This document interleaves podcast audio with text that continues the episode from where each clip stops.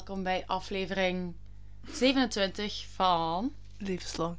Yay! 27? Ja, ik was weer aan het nadenken. Nee, het is al ze- aflevering 27 Ik weet deze van keer. niks. Ik weet van niks.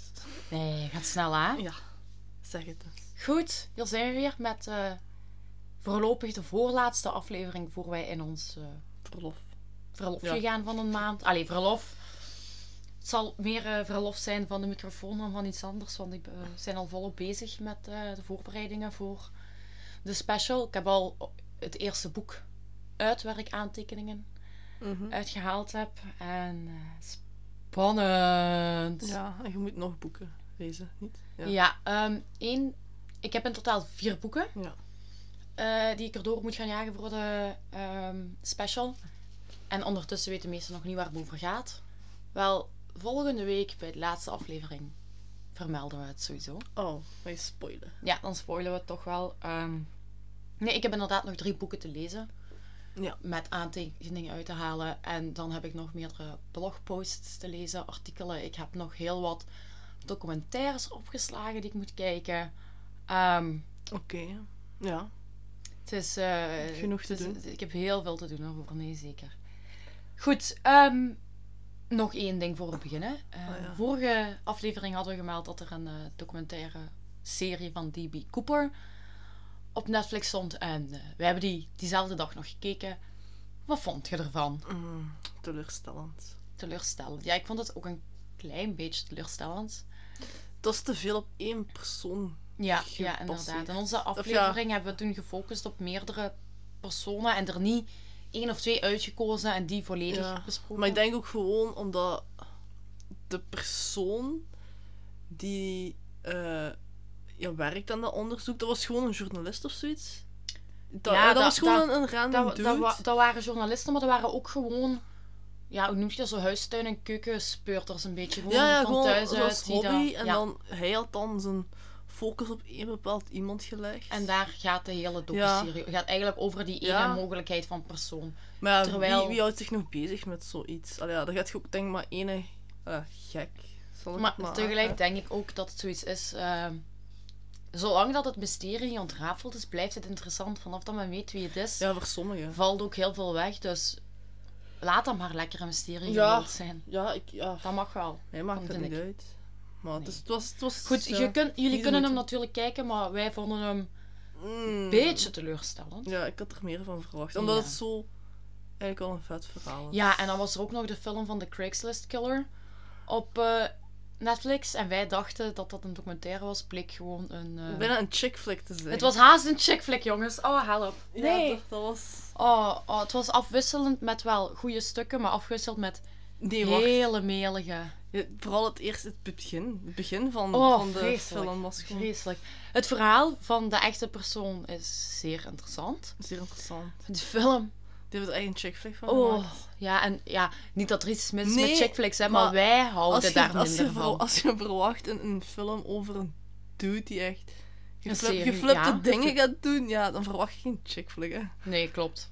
I mean, En dat was het wel. Het is een beetje opgelicht. Maar goed, dit is, eh, ons, hier gaan we stoppen met bashen op Netflix, want ze hebben natuurlijk daarnaast ook heel veel super goede documentaires. Tuurlijk, tuurlijk. Maar we hebben gewoon twee minder gezien en ja. Ja, gewoon op twee dagen tijd twee minder gezien of zo, dus ja. Oké, goed. Dan maar naar de aflevering van deze week. Yes. Wij gaan het deze aflevering hebben over de Rode Zomer van 1919. Dus we gaan deze aflevering eigenlijk meer hebben over een periode waarin dat er heel veel rassenopstanden waren in de Verenigde Staten van Amerika. Dus niet, het gaat hier niet over één persoon of één zaak. Het gaat er over één. Het gaat hier over een periode ja, in over- 1919. ja.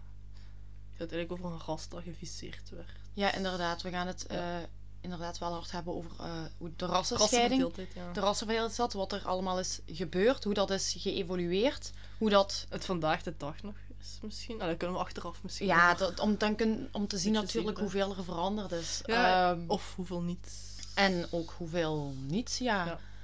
Dus daar gaan we het vandaag over hebben. We gaan het hebben over de Rode Zomer van 1919. Oh, je moet klappen. hè. En zoals Shit. altijd gaan we eerst klappen. 3, 2, 1.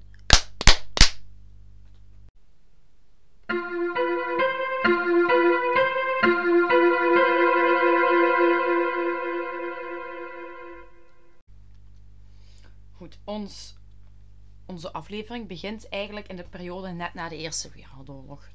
Dus ik denk dat het belangrijk is om eerst een beetje tijdsituering te geven, Mhm. zodat we een logische aanloop hebben naar de problemen van 1919. Ja. Hm. De Eerste Wereldoorlog is dus net afgelopen. Dus het verdrag van Versailles is eigenlijk nog maar net getekend en we bevinden ons in de Verenigde Staten. De Eerste Wereldoorlog was afgelopen in 1918. 18. Oké. ja. 1914, 1918. Ja, oké. even... Blij dat je het juist had, anders Ja, ja. had ik dat er zelfs Ik niet wist dat dat vier jaar was. Ja. Ja, maar ja. Tijdens de oorlog waren heel veel Amerikanen gaan vechten, zowel blanke als zwarte Amerikanen. En die periode van de oorlog dus, er waren heel veel mensen weg van het front. En er wa- het was ook zo dat de Europeanen niet echt konden immigreren naar Amerika tijdens die periode, wat daarvoor wel gebeurde. Want we Ja. weten allemaal dat de Amerikanen die daar nu wonen, Eh, vanuit Ja, onder andere Europa kwamen natuurlijk. Dus heel veel mensen waren weg en kwamen niet toe. En hierdoor kampten de industriële steden van Noord-Oost-Amerika en Midwesten van Amerika met enorme werknemerstekortheid. Ja. Ja, al de, heel veel van, van de Die mannen zijn weg. wo- working class mannen, die waren Ja. weg, ja. En hierdoor haalden de noordelijke werkgevers eigenlijk nieuwe werkmannen aan vanuit het zuiden. En Ja. het zuiden waren, was er nog... ehm, moet ik zeggen, het zuiden moet je echt nog zien als zeer zware rassenverdeeldheid ook op dat Ja. punt. Het zuiden was op dat moment erger. Dan, het noorden. Ja. Wat gingen zij doen? Ze gingen dus werknemers halen vanuit het zuiden. En dat waren dus voornamelijk zwarte werknemers. En vanaf hier begon zo wat de grote migratie, zoals ze noemen. Dat is de periode dat heel veel zwarte Ja. Amerikanen van zuid naar noord of het, west, of het midwesten gaan ongeveer. Ja. Om daar te gaan werken. En dat, die, die zwarten deden dat ook om ja, te ontsnappen aan Ja, die en toestand da- daar. in, in, in het zuiden was nog veel meer rassenverdeling. Ja, ja. En zij kwam dan ook deels naar het noorden in de hoop om dat wat te ontsnappen. Mhm. En tegen 1919 waren er ongeveer 500.000 zwarte Amerikanen van het zuiden naar de industriële steden in het noorden en het westen getrokken. Een half, dus dat is- half miljoentje. Ja. Dat is, dat is redelijk veel, hè? Wist je dat maar 2% van de Amerikaanse bevolking zwart, ala, van getinte huidkleur is? Huidskleur is? Oh, echt? Maar 2%. Is dat maar 2%? Ja, dat is omdat dat zo groot is. Dat dat... Ja, dat is maar 2%. Allee, ik weet niet... Dat waren cijfers van denk ik, een paar jaar geleden. Ja, ja, ja. Ik weet niet of het nu is, maar het is... Misschien maar, moeten we dat eens opzoeken tegen de volgende aflevering. maar wat ik me daar nog van herinner, was het 2%. Ja, en dan doe je dat zo om, hè? Ja, ja. Maar goed, dus ongeveer een half miljoen zwarte Amerikanen, hè, dus naar het noorden getrokken. En de zwarte Amerikanen, die kregen natuurlijk nieuwe functies. Mhm. Hè, want ja, al die blanken waren... De, de blanke Amerikanen waren aan het vechten op het front van het noorden. Ja. En dus die kregen eigenlijk allemaal nieuwe functies en booming businesses, zoals op dat moment de snelwegen. En veel van deze jobs werden eigenlijk aanvankelijk eerst alleen maar door blanken uitgevoerd. Dus de wegen werken. Daar werden dan nu, waar eerst eigenlijk voornamelijk blanken werkten, waren er Nu meer. in de periode heel veel zwarte gaan werken. En natuurlijk, die komen terug van de oorlog en hun job Ja, ja, ja, zijn ja. ze in hun ogen kwijt aan zwarte. Ik Ja. zo zeggen. Dus die komen terug. En al die zwarten zitten daar nu in die booming businesses.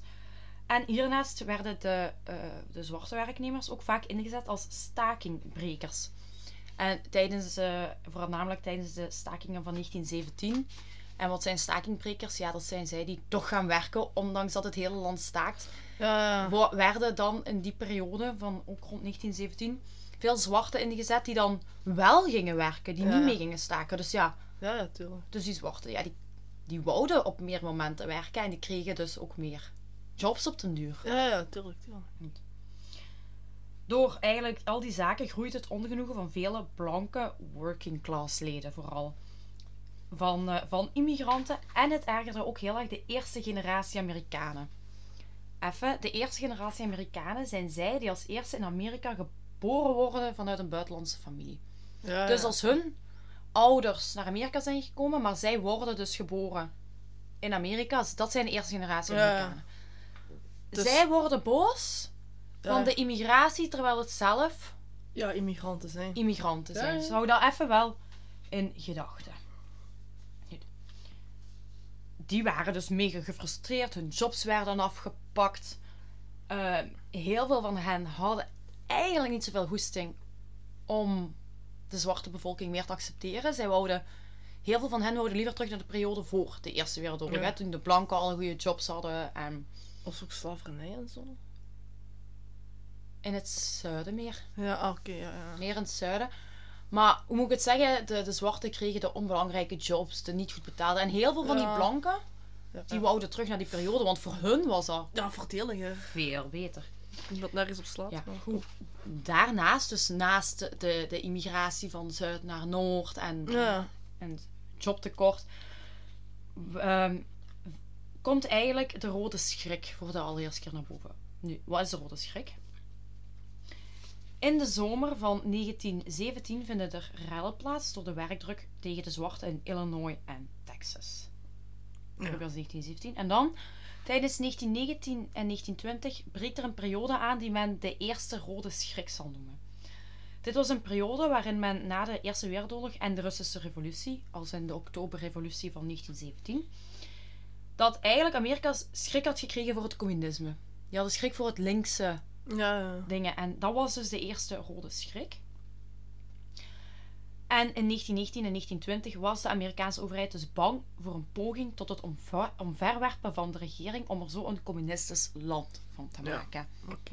Dus die twee dingen moet je houden. Dus je had de schrik voor het communisme in Amerika. Mhm. En trouwens in heel, op heel veel plaatsen, niet alleen in Amerika. Ik denk overal. Ja, Wow. dus dat heerste. En gedurende die tijd eigenlijk, dat die onrust begon te groeien bij die bevolking, begonnen de zwarte, de zwarte bevolking ook wel meer en meer voor zichzelf op te komen, waarbij ze om gelijkheid en om rechten vroegen. En hier keek de regering ook met alarmbellen naar. Moet ook weten dat er heel veel zwarte veteranen zijn teruggekeerd. En dan zou je kunnen denken, waarom ga, ga je vechten voor een land dat u niet welkom heet? Maar voor veel zwarten was het ook zo van, ja, maar het is mijn, ook mijn land. En zij gingen er eerder mee vechten vanuit het standpunt, Van ik woon hier ook. ik mag hier ook wonen, dit is ook mijn land. En daarom vecht ik mee, dit is niet jullie land. Alleen, maar.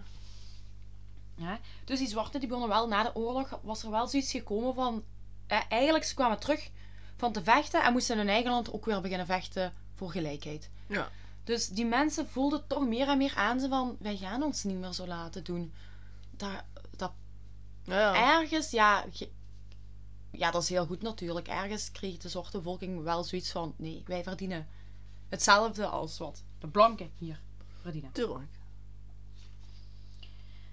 De toenmalige president, dat was toen Woodrow Wilson, die zei dat het terugkeren van de zwarte dé manier was om van Amerika een extreem links land te maken. Dat zei hij toen. Dus zwart stond gelijk aan links, aan communisme, aan het bolsjewisme, Mhm.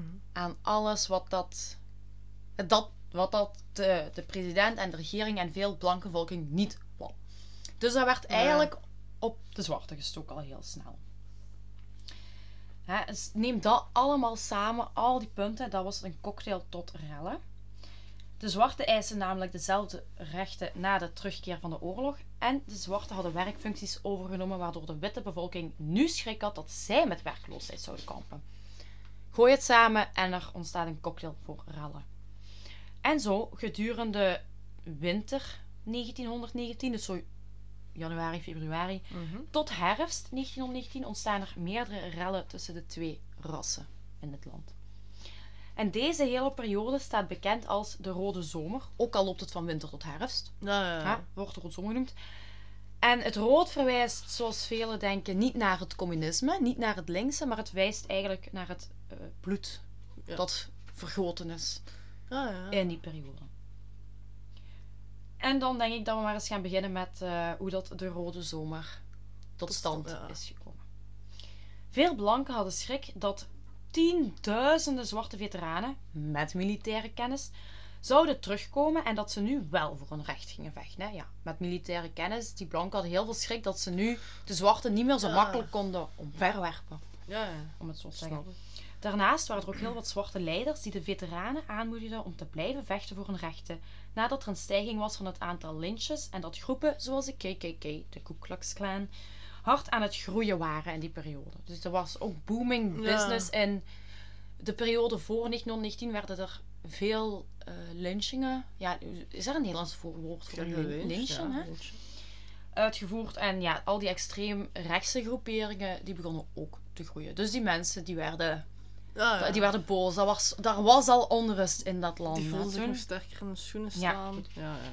Maar de meeste van de rellen waar wij het over gaan hebben tijdens de Rode Zomer, die Mhm. werden niet gestart door deze groepen zoals de Ku Klux, Klan of eender Ja. wat.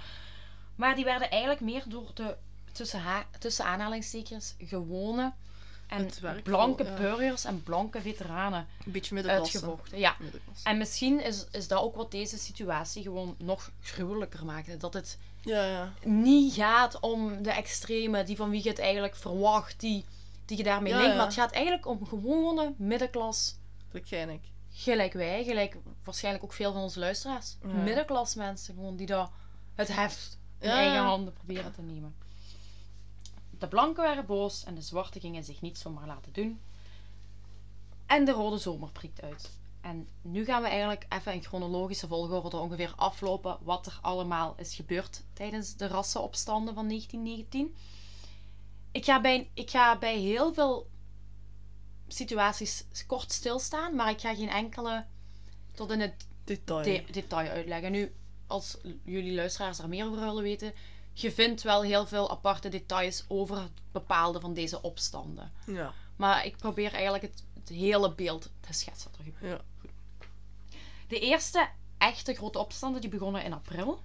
Namelijk op 13 of 14 april, de bronnen spreken elkaar wat tegen, brak er een opstand uit in Jenkins County in Georgia.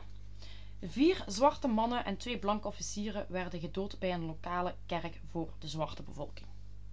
Dat gebeurde.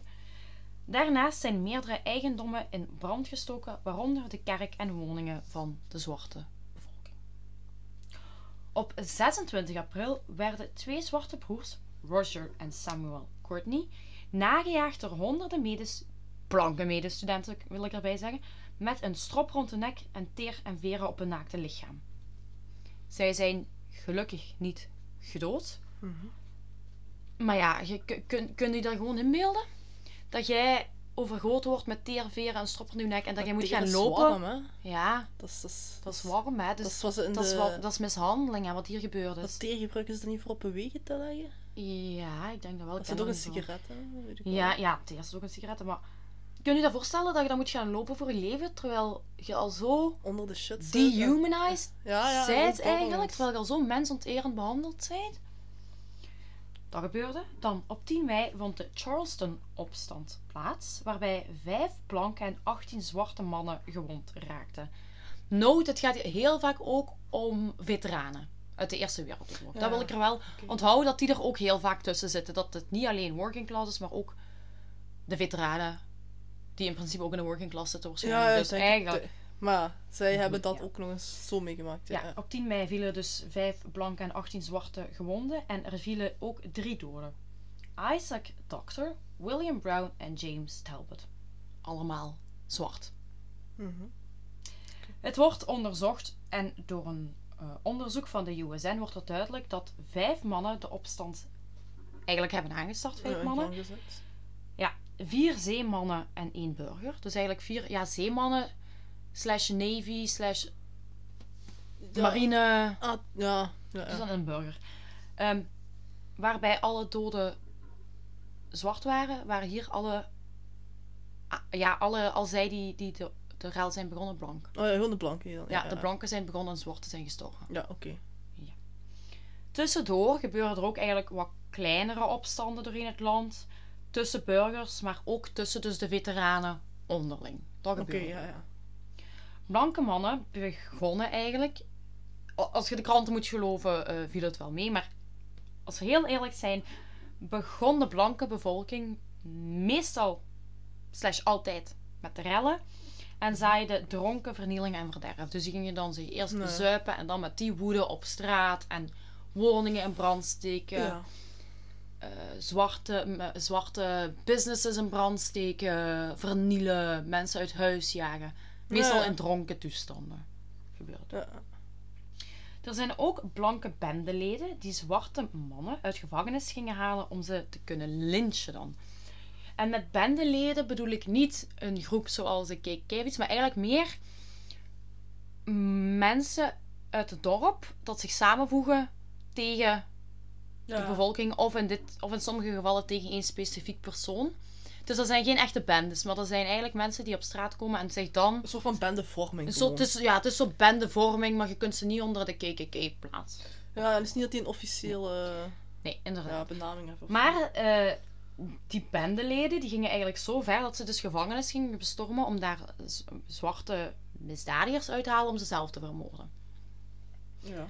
Zo gebeurde dat ook bij een zwarte man genaamd Barry Washington, die dat zwarte tienermeisjes wou beschermen tegen blanke aanranders. Ja? Oké.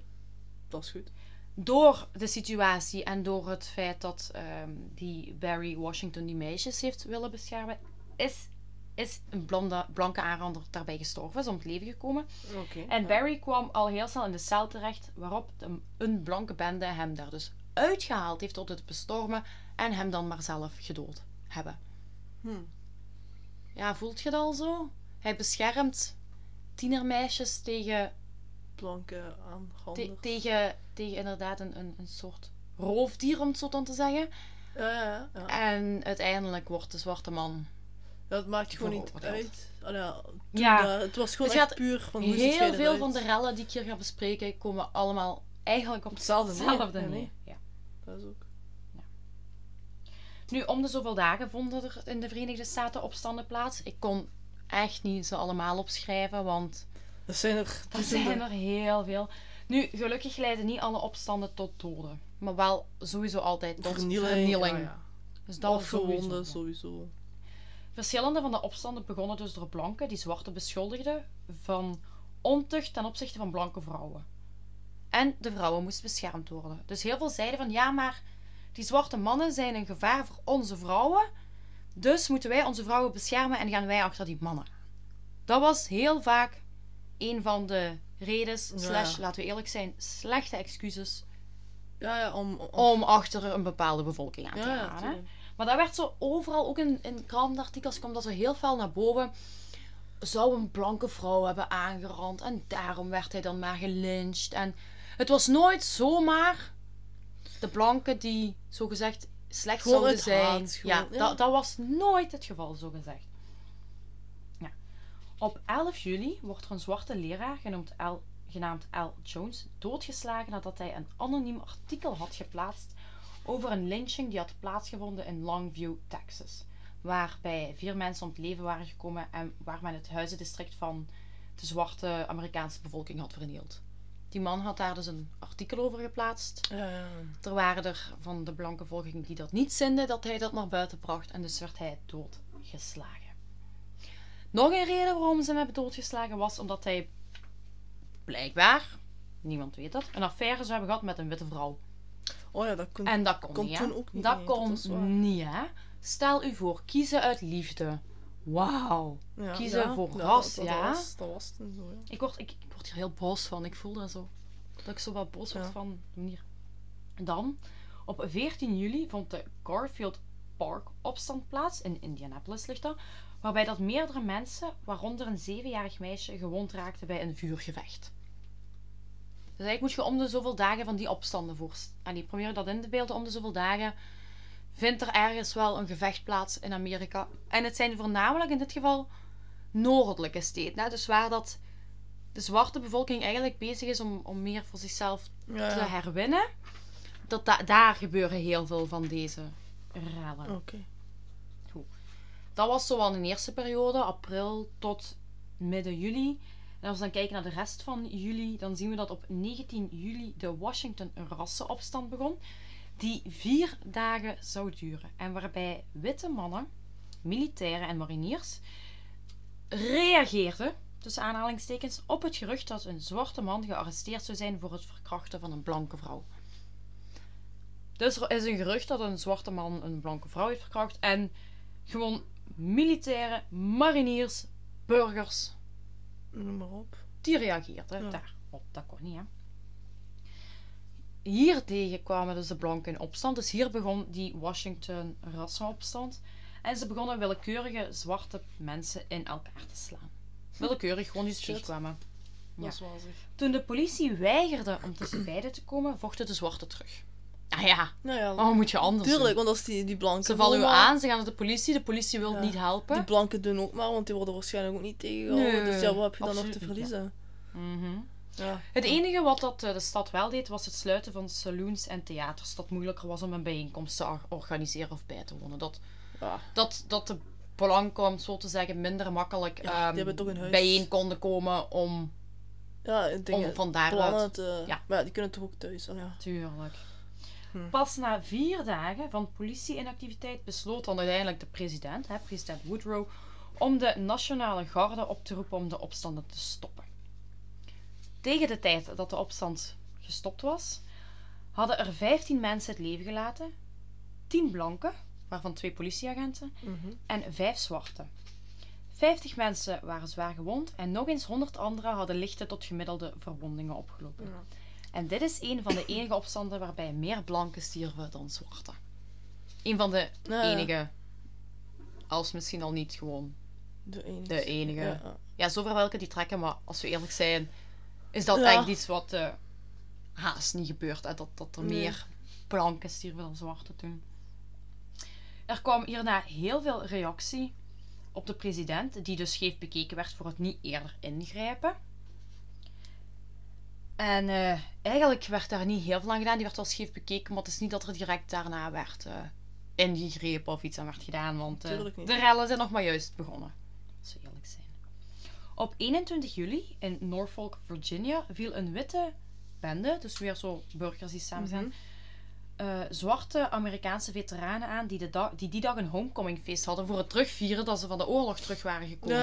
En daar zijn blanken binnengevallen en hebben daar mensen aangevallen. Minstens zes mensen werden neergeschoten en de lokale politie zette de mariniers en de navy in om de orde te herstellen. Hmm. Ja, was orde herstellen. Ze uiteenhalen zeker, maar ja, uiteindelijk zijn er wel zes neergeschoten. En laten we heel eerlijk zijn, die- de daders werden ook niet bepaald Ja, nee, ik eh, wou juist zeggen, wel- welke mensen sturen waarschijnlijk gewoon blanke mensen, ja. Ja, ja. Ja, lol.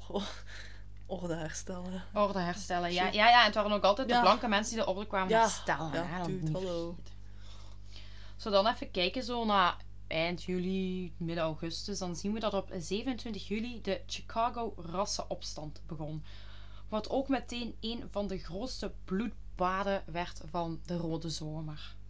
De Chicago stranden bij Lake Michigan, die hadden in die periode nog aparte delen voor blanken en zwarte. En ook in het water dus, tot waar men, tot waar zwarte mogen zwemmen en de plekken die de blanken hadden. Ja. En ik heb dat niet moeten opzoeken, maar dan weet je ook dat de blanken gewoon de beste plaatsen hadden Ja. en Waarschijnlijk. de veiligste plaatsen. En- Ja, ja.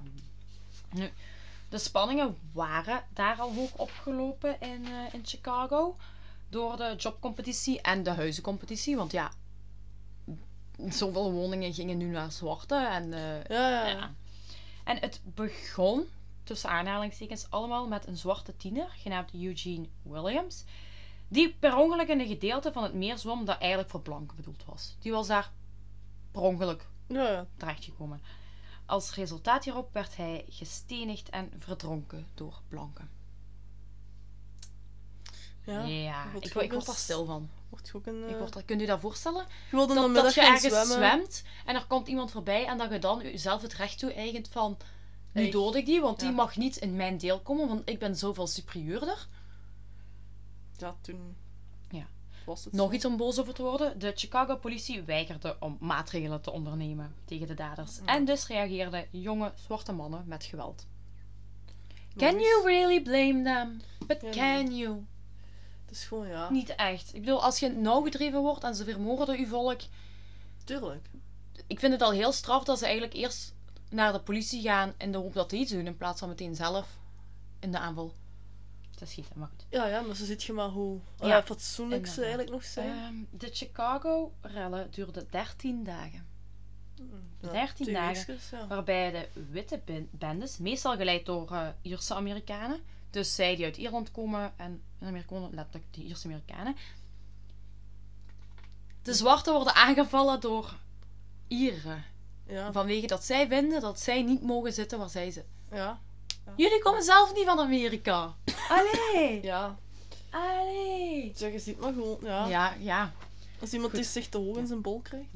De witte, de witte bendes vernielden honderden zwarte woningen en bedrijven in het zuiden van Chicago. En uiteindelijk, eh na 13 dagen, heeft Illinois toen militaire hulp gestuurd. En dat waren dus een paar duizend man om de orde te herstellen. Op het einde van de rellen waren er 38 doden, 23 zwarte, 15 gewonden, 527 gewonden en 1000 dakloze zwarte families. Ja. Andere mensen zeggen dat er 50 plus doden zouden zijn. Maar dat is niet officieel erkend of dat is nergens officieel neergeschreven. Dus Ja, het zou me niet verbazen natuurlijk dat men ook nog eens niet helemaal eerlijk zou zijn. Maar het officiële waren er 38, waarvan ook eigenlijk haast allemaal Ja. zwarte. Als we dan kijken, doorheen augustus bleven er nog veel, vooral kleinere rellen opsteken in die periode. Waarbij, voor wat ik heb gevonden, meestal gelukkig geen doden vielen. Dus er was een periode van, ja, zo midden, eind augustus, van wat kleine rellen. Zonder doden. Wel gewonden, ja, wel trauma's allemaal. goed. Op 12 augustus, 1919 hè, altijd, zitten altijd niet Ja, ja, ja. vragen leden van de NFCWC, en dat is de Northeastern Federation of Colored Women's Clubs, aan de president om er alles aan te doen om de opstanden te stoppen en tegen te houden en om ook tegen de propaganda te strijden. Dus een groep van, van zwarte vrouwen, die voor zwarte vrouwenclubs, businesses opkomen, die vragen van president, doe iets. Dan op 26 augustus wordt een zwarte man, genaamd Eli Cooper, ontvoerd uit zijn huis en hij wordt 50 keer beschoten, waarna zijn lichaam in zijn plaatselijke kerk in brand gestoken wordt. Mhm. Op 30 augustus vond er een manhunt plaats, zoals het noemt, waarbij meer dan duizend blanke bendeleden een zwarte soldaat genaamd Lucius McCarley te pakken krijgen. Ze gaan achter een soort aan. Ja. Daarna sleepten ze hem achter een auto aan in Bangalusa, Bangalusa of zoiets. Ja, plaats. Waarbij ze hem lynchten in de voertuig van een vrouw die hij belaagd zou hebben. Zo gezegd, hè? Dat, Ja, ja, ja. we weten dat niet zeker. En normaal ben ik de eerste die zegt geloof zij die zeggen dat ze aangerand zijn, geloof zij. Maar hier gebruikten heel veel mannen het excuus van aanrandingen. Maar ik weet niet of het echt aan de vrouwen werd. Ja. Of dat ook effectief waar was. Of dat de vrouwen daar iets over zeggen hadden. Of dat dat gewoon het beeld dat was. was gewoon een reden om nog iemand... Ja, inderdaad. Ja. Dan op 30 en 31 augustus vonden de, vond de Knoxville-opstand plaats in Tennessee. Na de arrestatie van een mogelijke zwarte verdachte die een blanke vrouw vermoord zou hebben. Weer een Mhm. blanke bende bestormde hierop de staatsgevangenis op zoek naar de man. Ze liet hierbij 16 blanke daders vrij, inclusief vermoedelijke moordenaars. Maar de zwarte man was op dat moment al lang in veiligheid gebracht. En nog erger misschien, deze man was hoogstwaarschijnlijk ook onschuldig. Ja. Dan denk je, oh goed, ze hebben, ze hebben hem naar eh, in veiligheid gebracht. Ehm, later heeft hij wel de elektrische stoel gekregen, deze man. Dus eh, ja. Maar dan nog. het is hypocrisie tegen hypocrisie Ja. aan, hè? Goed. Meer van deze blanke bendes vielen ook heel veel ehm, ja, Afro-Amerikaanse businesses aan. Eh, en dan voornamelijk dus in dat... eh, je hebt een Afro-Amerikaans business district waarbij er een gevecht uitbrak dat resulteerde in minstens 7 doden en meer dan 20 gewonden. In september gebeurden er ook meerdere rellen en kleinere groepen of individuen die daar eerder gelyncht werden. Dus in het meeste van september heb je niet die grote opstanden waarbij dat honderden mensen, maar zo meer persoonlijk gerichte lynches. Ja. Zo één of twee mensen die iets gedaan Zo zouden hebben en die gelyncht worden. Die bij u in de buurt wonen, Ja. of I don't know. Inderdaad. Maar dan, van 28 tot 29 september vond de Omaha-rassenopstand plaats, waarbij meer dan 10.000 blanken van Zuid-Omaha een gerechtsgebouw aanviel en een brand staken. Dit deed ze omdat ze een zwarte verdachte, genaamd Will Brown, eh, zelf wilde aanpakken. En deze man die werd verdacht voor het, van het verkrachten van een blanke vrouw. Dus dan steekt je het gerechtsgebouw in brand Ja, om de persoon zelf aan te vallen. Ze hebben hem ook te pakken gekregen. En ze hebben hem dan ook gelyncht. En hierna hebben ze hem opgehangen en hebben ze zijn lichaam verbrand. Hierna viel deze bende van Omaha, hè, die blonde eigenlijk in kleinere groepjes uiteen. Waarna ze eigenlijk allemaal met een paar zwarte woonwijken en winkels gingen aanvallen in het noorden van Omaha deze keer. Oké. Ja, dus we gaan eigenlijk van het zuiden van Omaha naar het noorden. Ja, naar boven. En er wordt voor meer dan een miljoen euro aan schade gemaakt bij de Oh. zwarte bevolking. En weer wordt het leger opgeroepen om de rellen te stoppen. En voor zover we weten zijn er wel verder geen doden gevallen bij de Omaha rassenopstand. Voor zover we weten, hè. Voor Dus die zover, ene ja. man, Will Brown, Zou dan de enige zijn. zou de enige zijn. Waar ik niet veel van geloof. Ik vind dat ook raar om te geloven. Maar goed. En dan daarnaast, ook op 30 september, werd er, werden er op 12 uur tijd drie zwarte mannen gelyncht in Montgomery. Goed. Dan ook nog op 30 september. Er gebeurt veel op 30 september. Brak er een bloedbad uit in Elaine, Arkansas. En dit lag wel in het zuiden. Dit was in een zuidelijke staat wel. Ja, Deze. dat is juist, dat is juist. Ja. En het verschil was ook dat deze zich niet echt in een grootstad plaatsvond, zoals de meeste rellen, maar eigenlijk in een, in een dorpje in Elaine, in een dorpje in Arkansas. De opstand begon door de witte minderheid, dus in dit dorpje woonden meer zwarte Ja. spraken, die, niet voor het, die eigenlijk niet voorstander waren voor het werken van de zwarte. En samen met de angst voor socialisme begon de witte minderheid daar een opstand. Hier in Elaine, Arkansas, deden heel veel zwarte aan landbouwwerk. En de blanken gingen de meetings van deze mensen verstoren. Gelijk dat je overal zo, ja, zo de, de hoe moet je dat zeggen, zo'n beetje de, de vakbonden hebt. Of de groepen die dan gaan regelen wat er gebeurt. Gingen de Ah. blanken dus deze meetings van de landbouwbouwers. Ja, ja, van de landbouwers gewoon. eh, verstoren. Dan bij een van die confrontaties wordt een blanke man doodgeschoten en een andere blanke man raakt verwond. Waarna eigenlijk al die blanke mensen daar een soort front vormden om de zwarte landbouwers te arresteren. Tussen aanhalingstekens natuurlijk. Ze vielen over de komende twee dagen at random zwarte mensen aan. En de blanken zouden minstens 50, maar mogelijk tussen de 100 en 237 dodelijke slachtoffers hebben gemaakt. Terwijl er maar vijf blanke mensen zijn omgekomen in Elaine. Hm.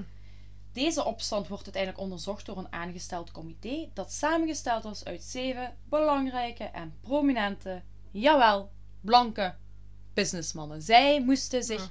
zij moesten gaan oordelen of wat daar gebeurd was en straffen uitspreken. En de blanke mannen Die gingen vrij uit. die, nee, zeven, zeven, van- zeven mannen vormden dat comité en zij moesten dus gaan beslissen van wie is hier nu in Ah. fout geweest.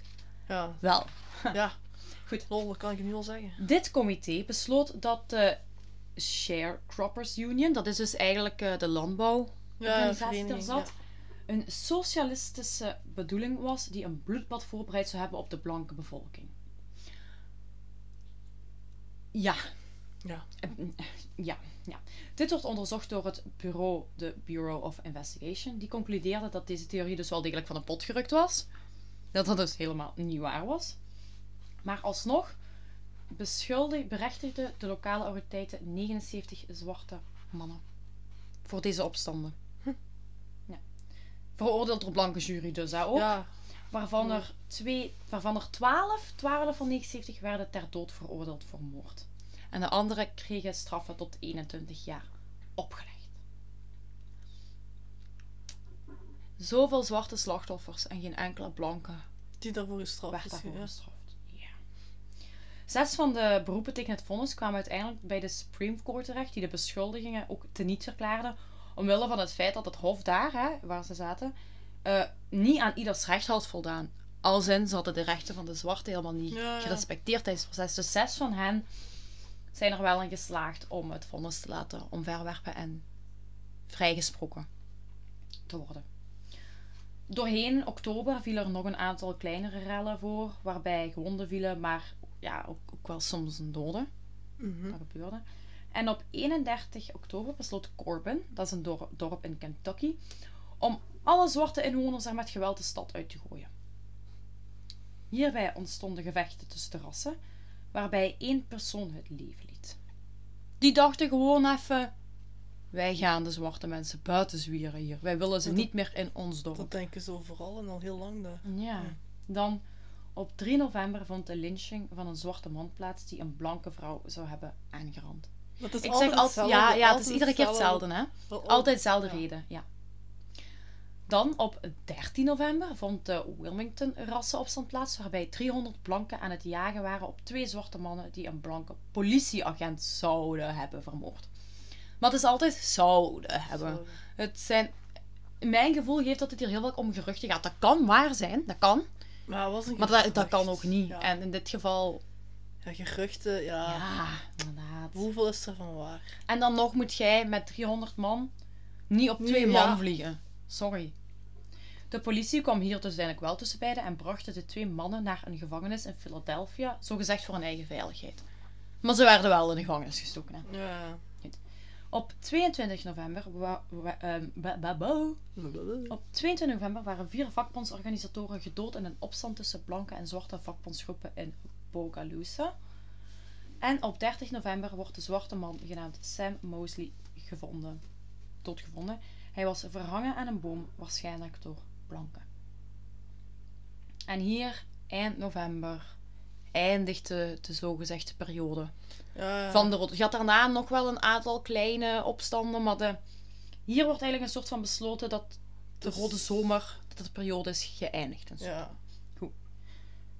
Er zijn natuurlijk ook effecten geweest op de media, bij de overheid van dit alles. En als we kijken naar de effecten hiervan, dus dan zien we dat gedurende deze opstanden kwam er ook respons uit beide hoeken. Dus zowel uit blanke hooggeplaatsten als uit zwarte hooggeplaatsten. En het Afrikaanse bloedbroederschap werd opgericht in september 1919 als reactie op de rellen.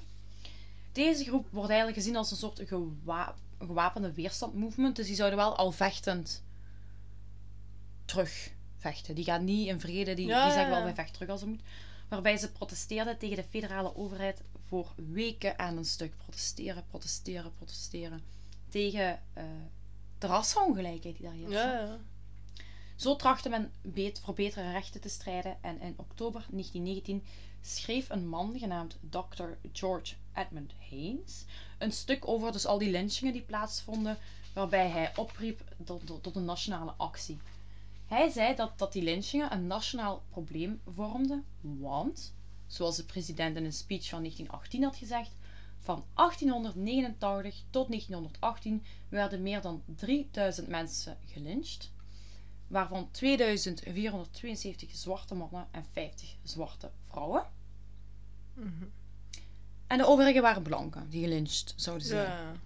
Hij schreef dat de staten niet in staat waren of gewoon onwillig waren om het probleem aan te pakken. Mede ook omdat ze de, de, de moordenaars die de lynches uitvoerden eigenlijk zelden tot niets vervolgden. Nee, nee, nee. Volgens deze persoon was het een nationaal probleem omdat niet alleen zwarte, maar ook blanken werden gelyncht. Maar eigenlijk vind ik dat echt heel erg on- Ja, dat is gewoon onbelangrijk aan, dit. Ja, aan de cijfers die we zien. ja, ook nog Goed, maar hij riep dus wel op dat er iets aan gedaan moest worden. Maar ja, goed. Hij linkte al die, al die lynchingen die gebeurd in die periode dan ook allemaal aan de Rode Zomer.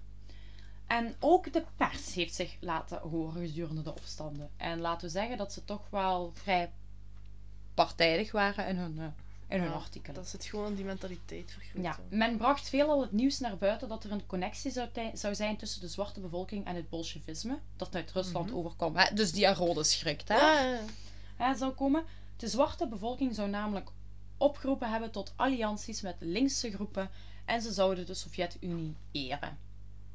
Vraag Dus- me niet waar ze het vandaan Dus de hebben. hè. zwarte mensen zouden de Sovjet-Unie eren. Ja, die zouden dat eren en dat kon natuurlijk niet. Hè. De, de- Nu, ja, het lijkt me heel ver gezocht, want ik denk de mensen die dan uit het gedeelte van Afrika kwamen, uit het continent, dat die iets van zouden afweten van wat er in Rusland zou ja, maar het gaat in dit geval veel meer om eh, het bolsjevisme. In die zin, dat is eigenlijk eh, het communisme. Ja, ja, ja. Dus zij, zij linken de zwarte aan het linkse beleid. Maar dacht, wat weten die zwarten nu van communisme? Allee, ja, dat zou ik niet denken, snap je? Ja, maar zij die daar wonen, hoop ik, hebben wel toe, allee, ik hoop dat er daar toch genoeg zwarte waren die dat eh, toegang hadden tot nieuws en dingen en die dat wel konden weten. Dus ik denk wel dat zij evengoed wel heel goed afwisten van de rode schrik hoor. Ja, ja, tuurlijk, tuurlijk. Maar het zijn gewoon, ja, die... Ja. Het is ver gezocht, hè. Het is heel ver gezocht. De gewoon. Times die zag het bloedvergiet dat zo wijd verspreid was en ik quote als bewijs van een nieuw en ik vind het, ik haat het, ik ga dit woord maar één keer uitspreken, ik haat het, maar het is om aan te tonen hoe de krantenkop waren. Bewijs van een nieuw Negro-probleem. Oké. Ja. Alle krantenkoppen werd dat woord in gebruikt. ja. Dat woord kwam overal bij alles. In midden oktober gaven bronnen van de Times bewijs waarop linkse slash, slash propaganda uitgedeeld werd in de zwarte woonwijken. En alles leek vooral de schuld van het linkse denken en de zwarte te zijn. Het was altijd de linkse gedachtenis was niet goed, de zwarte waren niet goed en het is hun schuld, alles. Voor velen stond de angst voor het communisme gelijk met de toenemende zwarte bevolking in het noorden. Dat was voor voor veel van hen linkt dat aan elkaar. Ja. De zwarten die waren bezig met een opstand tegen de blanken, zogezegd. En na de opstanden zouden ook. En, na de, na, en de opstanden zouden ook hierdoor ontstaan zijn. Hè? De opstanden zouden ontstaan zijn doordat de zwarten de blanken aanvielen.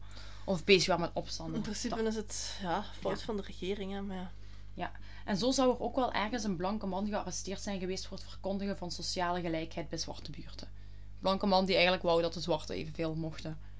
Ja. Die werd gearresteerd. Geen enkele grote krant schoof de schuld in de schoenen van wie het toebehoorde. En dat waren eigenlijk zij, de blanke bevolking, die liever de sociale situatie behielden van voor de Eerste Wereldoorlog.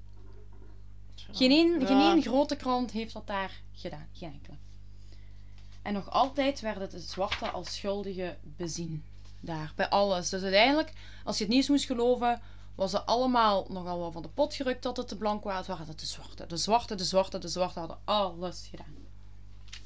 Als je dan kijkt naar de overheid, ja, daar was het eigenlijk niet heel veel beter dan bij de pers. Waarbij nam- namelijk FBI-agenten rapporteerden dat linkse overtuigingen aan het stijgen waren bij de zwarte bevolking. Oeh, schrik. Schrik. Ja. J. Edgar Hoover, een wethandhavingsbeheerder, stak de schuld van bepaalde opstanden op het feit dat zwarte mannen een gevaar voor witte vrouwen vormden. Weer al dat. Volgens hem werden de socialisten die de zwarte deze ideeën inprentten door middel van zwarte tijdschriften eh, voortgezet. Hè? Dus Ja. die socialistische bewegingen die kwamen, die kwamen in zwarte tijdschriften terecht, dat werd verspreid onder de zwarte bevolking en daardoor kregen die allemaal van die vieze, slechte, socialistische ideeën. Maar over het geweld van de blanken tegen de zwarte, daar sprak hij niet over. Hè? Volgens hem, wacht hè, even kijken. Ah, het communisme werden er door belangrijke figuren gezien als het kwaad. Hè? Dus ook de president, alles uit het communisme was het kwaad. Waarbij ze de zwarte bevolking dus allemaal gingen viseren. viseren. En natuurlijk hebben de politie en de president niet echt moeite gedaan om hard op te treden. Als we eerlijk zijn door die periode.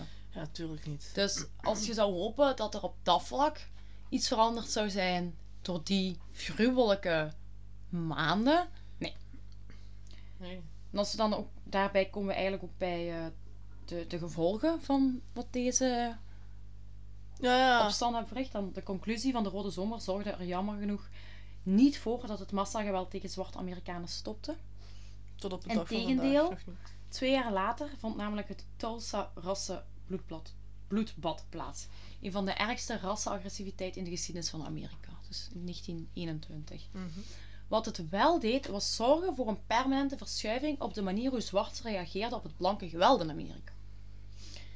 En de- ze voorspelden ook veel meer zelfverdedigingstactieken voor de zwarten. Dus veel van de zwarte veteranen reageerden op het bloedvergieten. En dat gaf eigenlijk ook de, de gewone zwarte bevolking een beetje inspiratie. Hè? Van, wij gaan ons niet zomaar laten doen. Ja, nee, sowieso. Dus daar veranderde wel iets en ze werden wel.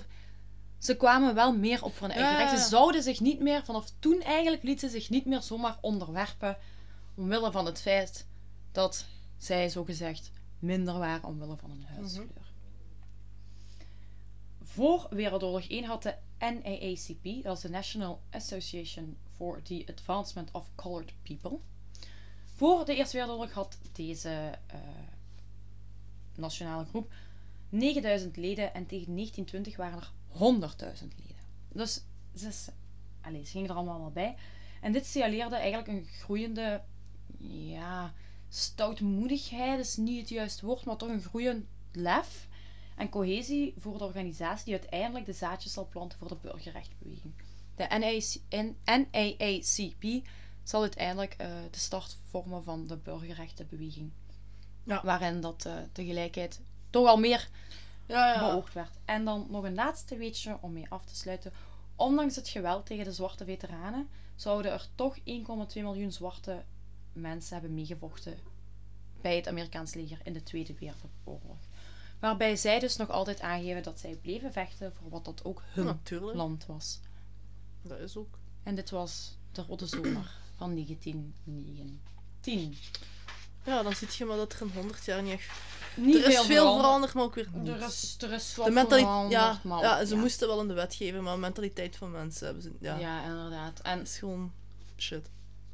En ook als je dat hoort, ik bedoel, iedereen weet wel dat, dat daar slavernij was. Dat allee, niet alleen daar moet ook niet, niet blind Nee. zijn. Maar het is... ja. Maar voor mij was dat opzoeken toch wel, soms zat ik, echt, zat ik daar echt met zo'n kiekenvel. Dat ik dacht van, oh mijn god, hoe ver kun je gaan om een mens te onteren? En voor wat? Omdat die, oh god, oh garm, twee meter in uw water zit of wat? Nee, Alsjeblieft. Het is gewoon vanwege de huidskleur. Het is vanwege de huiskleur. Maar, de, de, En ik durfde... maar zoiets was genoeg om dat uit te lokken, hè? Ja, ja, maar ik durf gewoon te wedden als je dan zo die mensen vroeg, die blanke mensen, van waarvoor doet je die mensen nu pijn? Ik denk dat eh, meer dan de helft gewoon niet had kunnen antwoorden waarom. Waarvoor ze bang waren. Nee, ze zagen gewoon alleen een andere huidskleur. Ja. En de fout ligt er ook bij, natuurlijk bij de regering, want die bougeerde er niet daar. Ik denk van, die zullen ook wel gedacht hebben van, oh ja, laat het zelf maar uitzoeken. Maar ja, op een gegeven moment Ja, moet want- die daar toch tussen komen, maar ook maar heel lax. want ja, en zo na 13 dagen komen Ja. die daar zo tussen. Dus, allee, ja, ik bedoel, de grootste fout ligt ook bij de regering. Want die hadden direct moeten ingrijpen en zeggen van, kijk, nee. ehm Dit kan daar niet. moet helemaal geen angst zijn. Die, ja, dat heeft daar niks En, mee te maken. en ook, het is ja. zo gemakkelijk om een minderheid de schuld te geven Ja, ja, daarom. van het, daarom. een probleem dat zich voordoet. Ik bedoel, oké, je had de rode schrik en, en ik bedoel, dat was ook Daarom, in en onze daar- landen daarom was, het maar- aan de regering om uit te leggen van kijk, het zit zo, zo en zo. Dus niet dat de zwarte iets met communisme te maken. Ja. Allee, of dat zij dat Maar als je ziet dat zelfs de president aangaf dat de zwarte, Ja, voilà, dus dan dat de zwarte de manier waren om van eh, Amerika een links land te maken. Wat Dan eh, zie je maar eigenlijk hoe naïef en hoe dom ze eigenlijk dachten toen. Ja, Ja, toen en- in die en tijd. Misschien heel, heel gruwelijk, maar als we heel eerlijk zijn, vandaag de dag Is dat nog altijd? altijd, Is heel dat veel geweld. altijd? En dat is niet meer in de vorm van... Maar dat komt gewoon omdat die toen niet gereageerd hebben. En Ja, zeg, dat is- gewoon doorgeworteld als, in als die je mentaliteit. niet wordt berecht op je daden, dan gaat je Tuurlijk, ook niet het voilà. gevoel hebben dat je iets hebt gedaan wat niet mag. Want Voilà. als het gewoon onder de ogen van de president wordt toegelaten... ja, daarom dat het nu nog altijd zo is, snap je? Echt waar, Amerika, schaam u Ja. diep. Ja. Niet, niet dat België veel beter was, hè, maar ehm, Ja. Dat is misschien iets voor een andere aflevering. Ja, ja, dat kan wel. Nee, maar ja, ik voel ze wel in mijzelf. Oh, ik word er boos van. Ja, maar Amerika is op... Amerika is heel... Ja, nu ga ik heel, een heel dom ding zeggen, maar het is gewoon heel zwart-wit, Amerika. Ja, nou, Ja. maar ik vind dat ook wel, dat, dat is ook wel zo. Het is gewoon heel zwart-wit. ja. Er is geen grijze dingen ja, of dat, dat lijkt er toch niet te zijn. Nee, toch dat niet is hoe, er niet. Hoe, hoe, hoe het naar buiten komt. Ja, ja. Ah, ja, of hoe ze het presenteren. Ja, maar Ja. Ik denk dat, we zich- zeker nog wel afleveringen aan dit onderwerp zullen wijden. Dat- Nadat de special kan, geweest is en zo natuurlijk. Dat kan. Ehm, en ook eens inderdaad misschien zien waar dat nog van deze toestanden gebeuren. En eens kijken of... Oké, Overal. Overal. dat was inderdaad... Ja, oké. Overal. Oké, punt. Ja, dat klopt. maar het is gewoon zo. Nee, goed, luisteraars. eh, dit was dan aflevering 27 weer. Hopelijk vonden jullie het een interessante zaak. En zoals jullie weten komen, komt beeldmateriaal En dat is weer eens iets anders. even goed. Ja, het is weer eens iets anders. Eh komt beeldmateriaal weer online natuurlijk op Facebook onder eh, Levenslang gewoon. Dan hebben we Instagram, Levenslang Podcast. En jullie kunnen daar natuurlijk ook altijd meedelen wat jullie van de zaak vonden, wat jullie mening daarover is, hoe jullie daar naar kijken. En dat kan ook altijd via mail naar levenslangpodcast.gmail.com. Voor de rest, geniet van het mooie weer, lieve luisteraars. En dan horen wij, horen jullie ons Wij horen weer niks. volgende week woensdag terug voor de laatste aflevering voor ons verlof. Ja. Doei.